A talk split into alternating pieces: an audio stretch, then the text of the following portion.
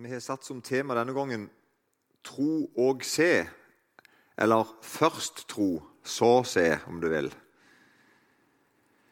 Kjære Jesus, vær her i ordet ditt, og kom her med din ånd, og åpenbar deg for oss. Amen.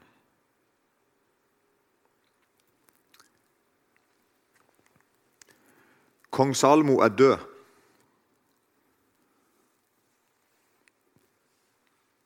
Gud sa før han døde, 'Jeg river riket ut av Salomos hånd'. Første kongebok 1131.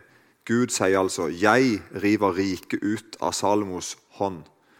Sånn gikk det med den store kongen. En forfatter av mer enn 1000 sanger, forfatter av mer enn 3000 ordtak viden kjent, en av de mest kloke menneskene som noen gang har levd. En, en, gigant, en gigant. Sånn står det i første kongebok 11 og 1. Vi leser noen vers der om kong Salomo. Men kong Salomo elsket mange fremmede kvinner, i tillegg til faraos datter. Moabittiske, ammonittiske, edomittiske, sidonittiske, hetittiske kvinner av de hedningefolkene som Herren hadde talt om, og sagt til Israels barn dere skal ikke gi dere i lag med dem, og de ikke med dere. Ellers kommer de for visst til å vende hjertene deres til sine guder. Disse kvinnene holdt Salomo seg til, og dem elsket han. Han hadde 700 koner av fyrstelig rang og 300 medhustruer. Disse konene hans bøyde hans sinn. Da Salomo ble gammel, vendte konene hans hjerte til andre guder. Og hans hjerte var ikke helt med Herrens, hans Gud, slik som hans far Davids hjerte hadde vært. Alvorlig situasjon Salomo er i. To ganger viste Gud seg for ham og advarte han mot akkurat dette. Videre Salomo fulgte Astarte, sidoniernes guddom, og Milkom, ammonittenes styggedom og Salomo gjorde det som var ondt i Herrens øyne. Han fulgte ikke trofast etter Herren, slik hans far David hadde gjort. På den tiden bygde Salomo en offerhaug for Kamosh, Moabs styggedom, på det fjellet som ligger midt imot Jerusalem. Ser du ikke frekkheten? Bygge en, et avgudsoffer midt imot Guds stad, Guds by, Jerusalem. Og for Molok, Amons barns styggedom. Og Molok han er forbundet faktisk med menneskeofring. Det samme gjorde han for alle sine fremmede koner, som brente røkelse og ofret til sine guder. Da ble Herren vred på Salomo fordi han hadde vendt hjertet bort fra Herren, Israels Gud, som hadde åpenbart seg for ham to ganger og uttrykkelig forbudt ham å følge andre guder. Men han hadde ikke holdt seg etter det som Herren hadde befalt. Da sa Herren til Salomo.: Siden det er slik med deg, og du ikke har holdt min pakt og mine lover som jeg har gitt deg, så vil jeg rive riket fra deg og gi det til din tjener. Og så kommer vers 14. Og Herren reiste opp en motstander mot Salomo.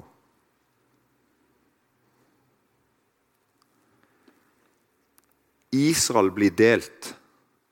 Det der landet som var på en måte Gud hadde lova folket sitt, og som de fikk blir delt i to. Nordrike og Sørrike. Så leser vi da videre i kongebok om konger som kommer og går. Da er det to sett med konger. Noen i nord og noen i sør.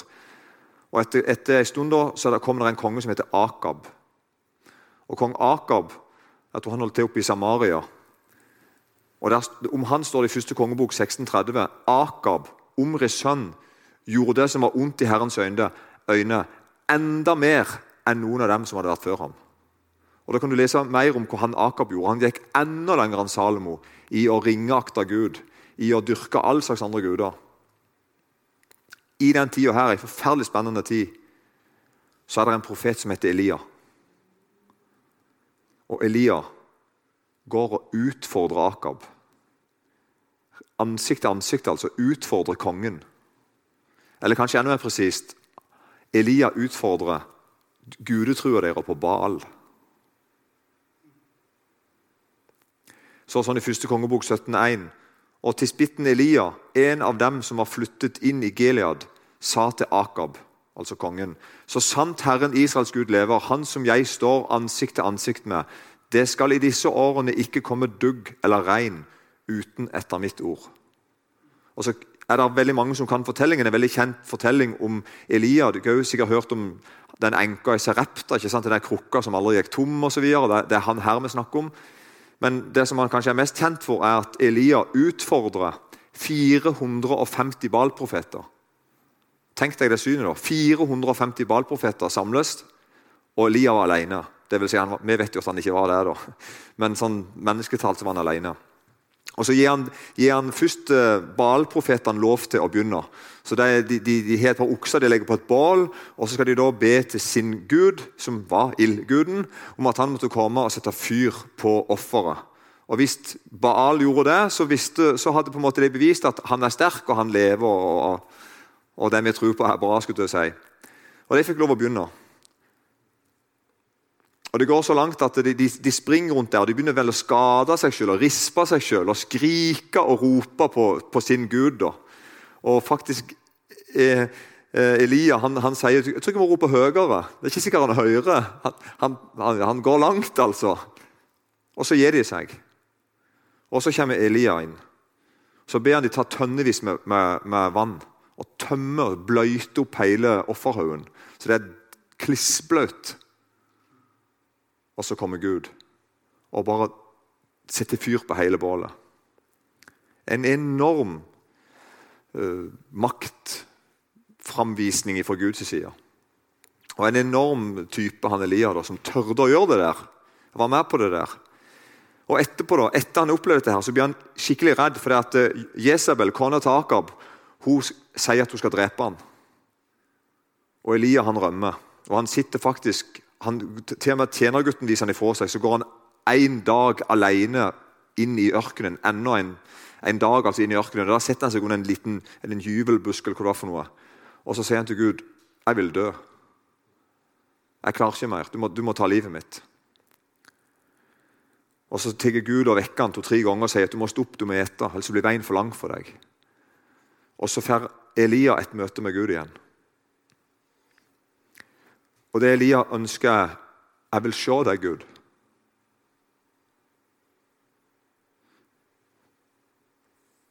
Jeg vil se deg.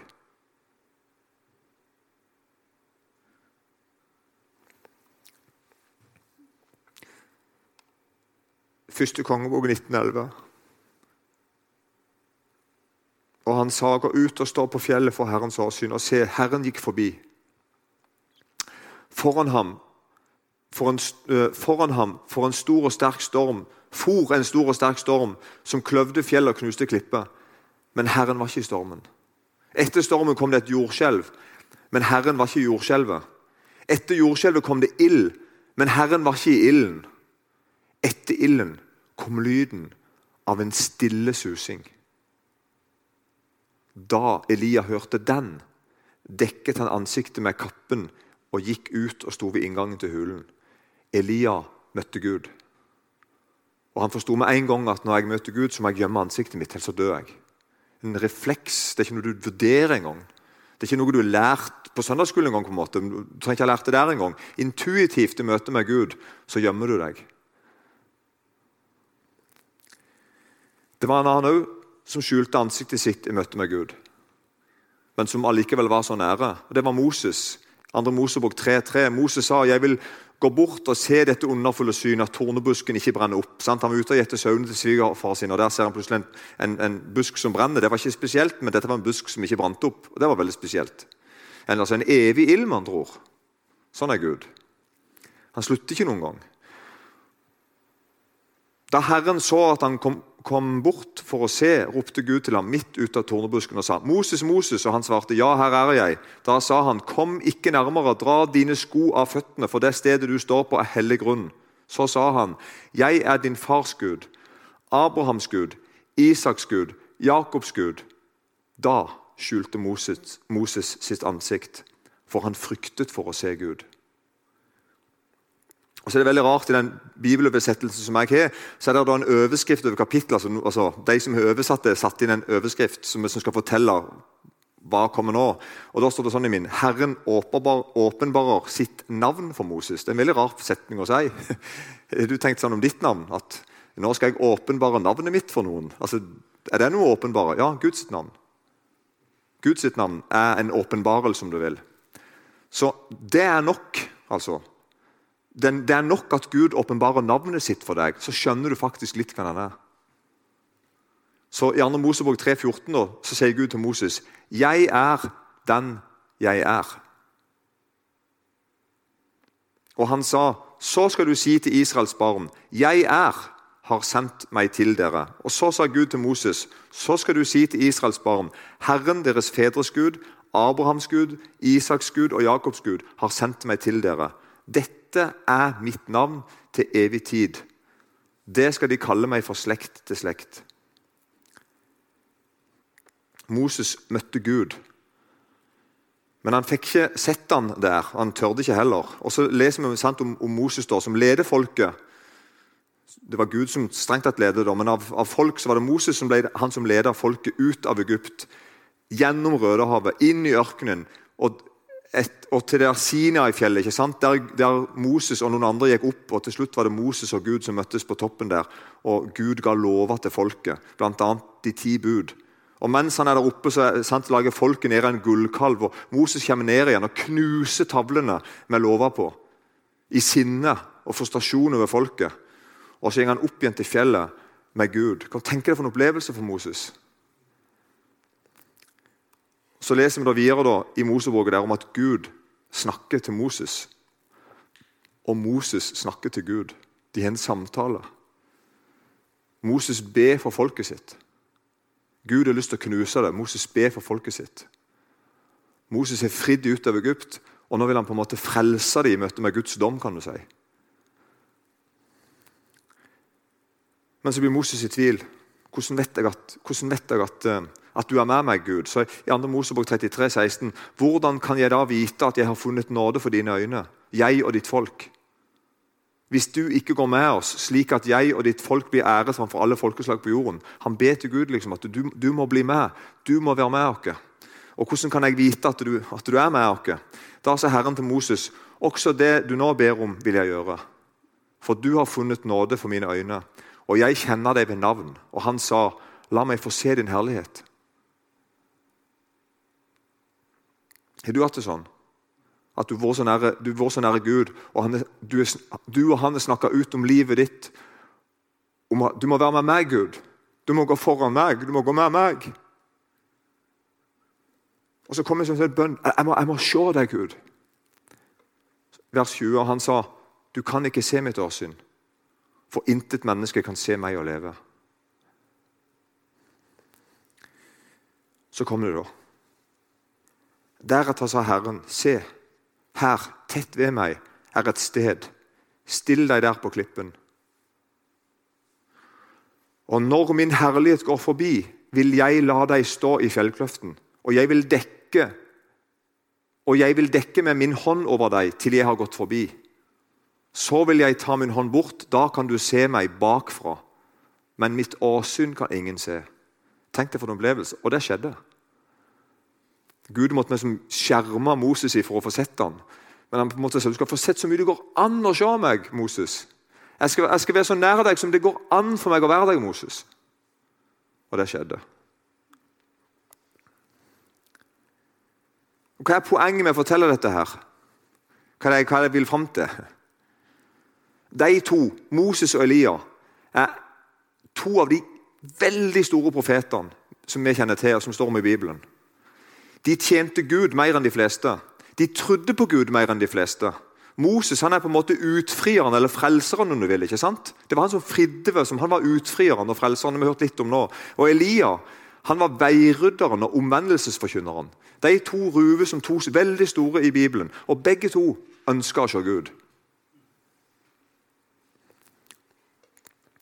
Og I siste bok i Det gamle testamentet, profeten Malaki, i den siste del av det siste kapitlet, altså helt til slutten av Det gamle testamentet, I den siste boka, i det siste kapitlet, i slutten av det siste kapitlet, så står dette. Husk min tjeners Moselov. Dette er jo da lenge etter Moses og lenge etter Elia. Husk min tjeners Moselov, den jeg ga ham på Horeb for hele Israel, både lover og bud. Se, jeg sender dere Elia, profeten. Før Herrens dag kommer den store og forferdelige. Han skal vende fedrenes hjerte til barna og barnas hjerte til deres fedre, så jeg ikke skal komme og slå landet med bann. Det er en enormt stor profeti. profeti. Og han Elia det er snakk om her, det er både døperen Johannes og det er Jesus Kristus. Den Elia som skal komme. Det er noe med det der omvendelsesforkynneren og veirydderen, hvis du skjønner. Og nå, Hvis vi da går til det, gamle, hvis vi da går til det nye testamentet og går til Markus, også i Lukas, men i Markus 9, så ser vi plutselig en tekst der de to står sammen med Jesus.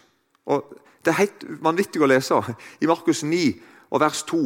Seks dager etter tok Jesus med seg Peter, Jakob og Johannes, tre av sine disipler, de nærmeste, og førte dem på et høyt fjell. Der var de for seg sjøl. I Lukas står det at de ba, men det stemmer jo. De var for seg sjøl, og de ba helt alene. Og han ble forvandla for øynene deres.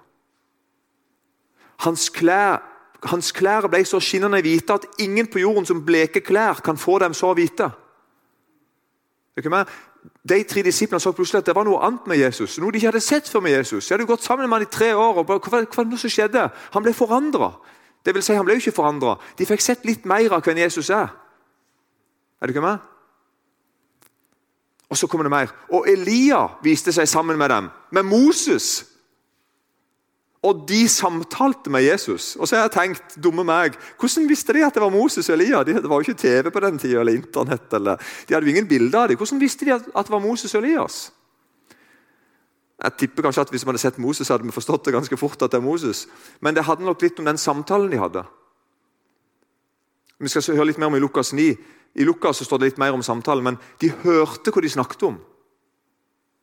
Og Disiplene kjente profetiene. De var klar over hvem Moses var. De var, og de var klar over profetien i Malaki om Moses og, og, Elia. Og Her står de altså sammen og snakker sammen. Og så står det Da Da tok Peter til orde og sa til Jesus Rabbi, det er godt at vi er her. La oss bygge tre hytter. Én til deg, én til Moses og én til Elia.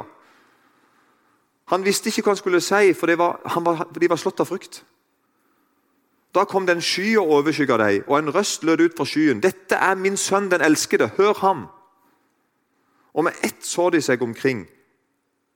Nei, og med ett, da de så seg omkring, så de ingen lenger noen hos seg uten Jesus alene.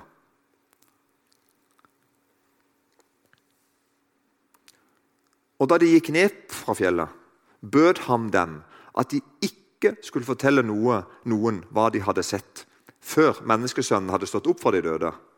De holdt fast ved dette ordet, og de talte med hverandre om hva, de, hva det er å stå opp fra de døde. De spurte ham og sa, 'Hvorfor sier de skriftlærde at Elia må komme først?' Sånn vi har akkurat hørt med den profetien. ikke sant? Han svarte dem, 'Elia kommer først og setter alt i rette stand.' Og hvordan står det skrevet om menneskesønnen? At han skal lide meget og bli foraktet. Men jeg sier dere, Elia er kommet og de gjorde med ham alt det de ville, slik det står skrevet om ham. Men Det første poenget her er nå ser Moses og Elias Gud. Har du tenkt på det? Nå står Moses og Elias ansikt til ansikt med Gud. Han de hadde ønska sett, og som de nesten fikk sett hvis du skjønner, bakfra. Her står Moses Elias og snakker med han. Og Det står faktisk det. I Lukas 9 så står det der at disiplene hørte at hva var det Moses Elias snakket med Jesus om? Om hans bortgang. At han skulle lide på et kors og dø. Skjønner du ikke Moses Elias er store gutter? Er du ikke med på hvor innvia de var med hva de holdt på med? Hvor godt de kjente Jesus, hvor godt de kjente Gud? I, der står sånn i Lukas 9, vers slutten av 28 utover. Peter, Johannes og Jakob gikk opp på fjellet for å be, og mens han ba, ble hans ansikt annerledes å se til, og klærne hans ble skinnende hvite. Og se, to menn samtalte med ham. Det var Moses og Elia. De viste seg i herlighet og talte om hans bortgang, som han skulle fullbyrde i Jerusalem. Så der på fjellet er, er det tre vitner. Og det er nok til at det er troverdig. ikke sant? Det er tre vitner Peter, Jakob, Johannes. Det er tre vitner som ser Jesus Kristus bli anerkjent av Gud, av Gud skulle jeg si, og av Guds historie. Eller motsatt. Gud anerkjenner historien, om du vil. Tre vitner ser tre vitner. Og så ender det med en ting når alt er ferdig. Da så de ikke noe annet der enn Jesus. Jesus er Gud. Og Her på en måte oppfyller ja, Gud oppfyller en profeti fra 5. Mosebok 1815. For Der står det sånn En profet av din midte, av dine brødre liksom meg, skal Herren, din Gud, reise opp for deg. På ham skal dere høre.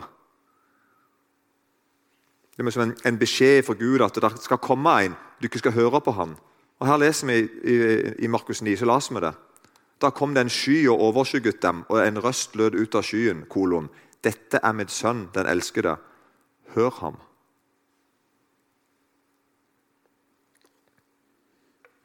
Gud våker ved ordet sitt, Gud våker ved profetiene sine. Gud, Gud vil, tenk, altså, Det skjer, det som han har sagt skal skje.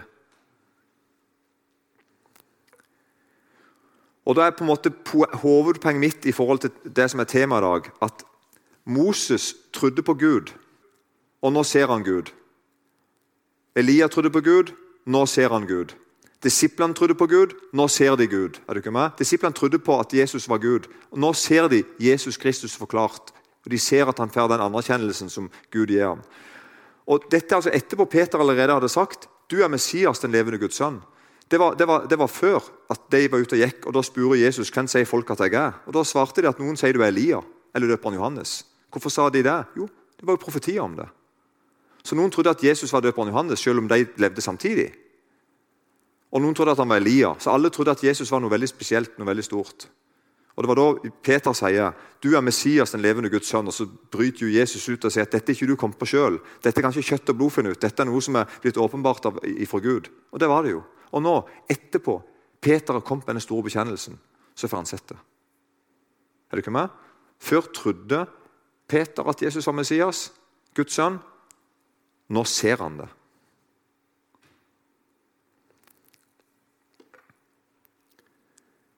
Og Samtidig så går det opp for dere hvem døperen Johannes er. Jesus sier vet du, at men jeg sier dere, Elia er kommet, og de gjorde med ham alt det de ville, slik det så skrevet om ham.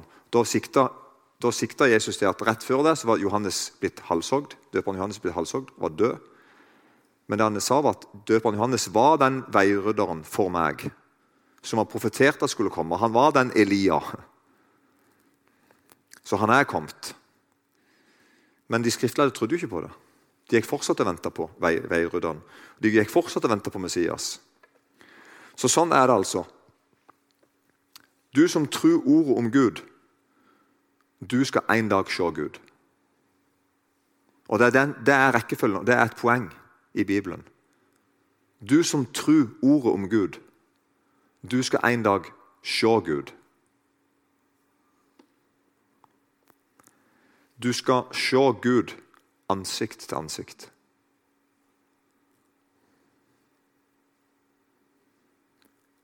Kjære Jesus, velsigne deg jeg har sagt, for navnet ditt skyld. Amen.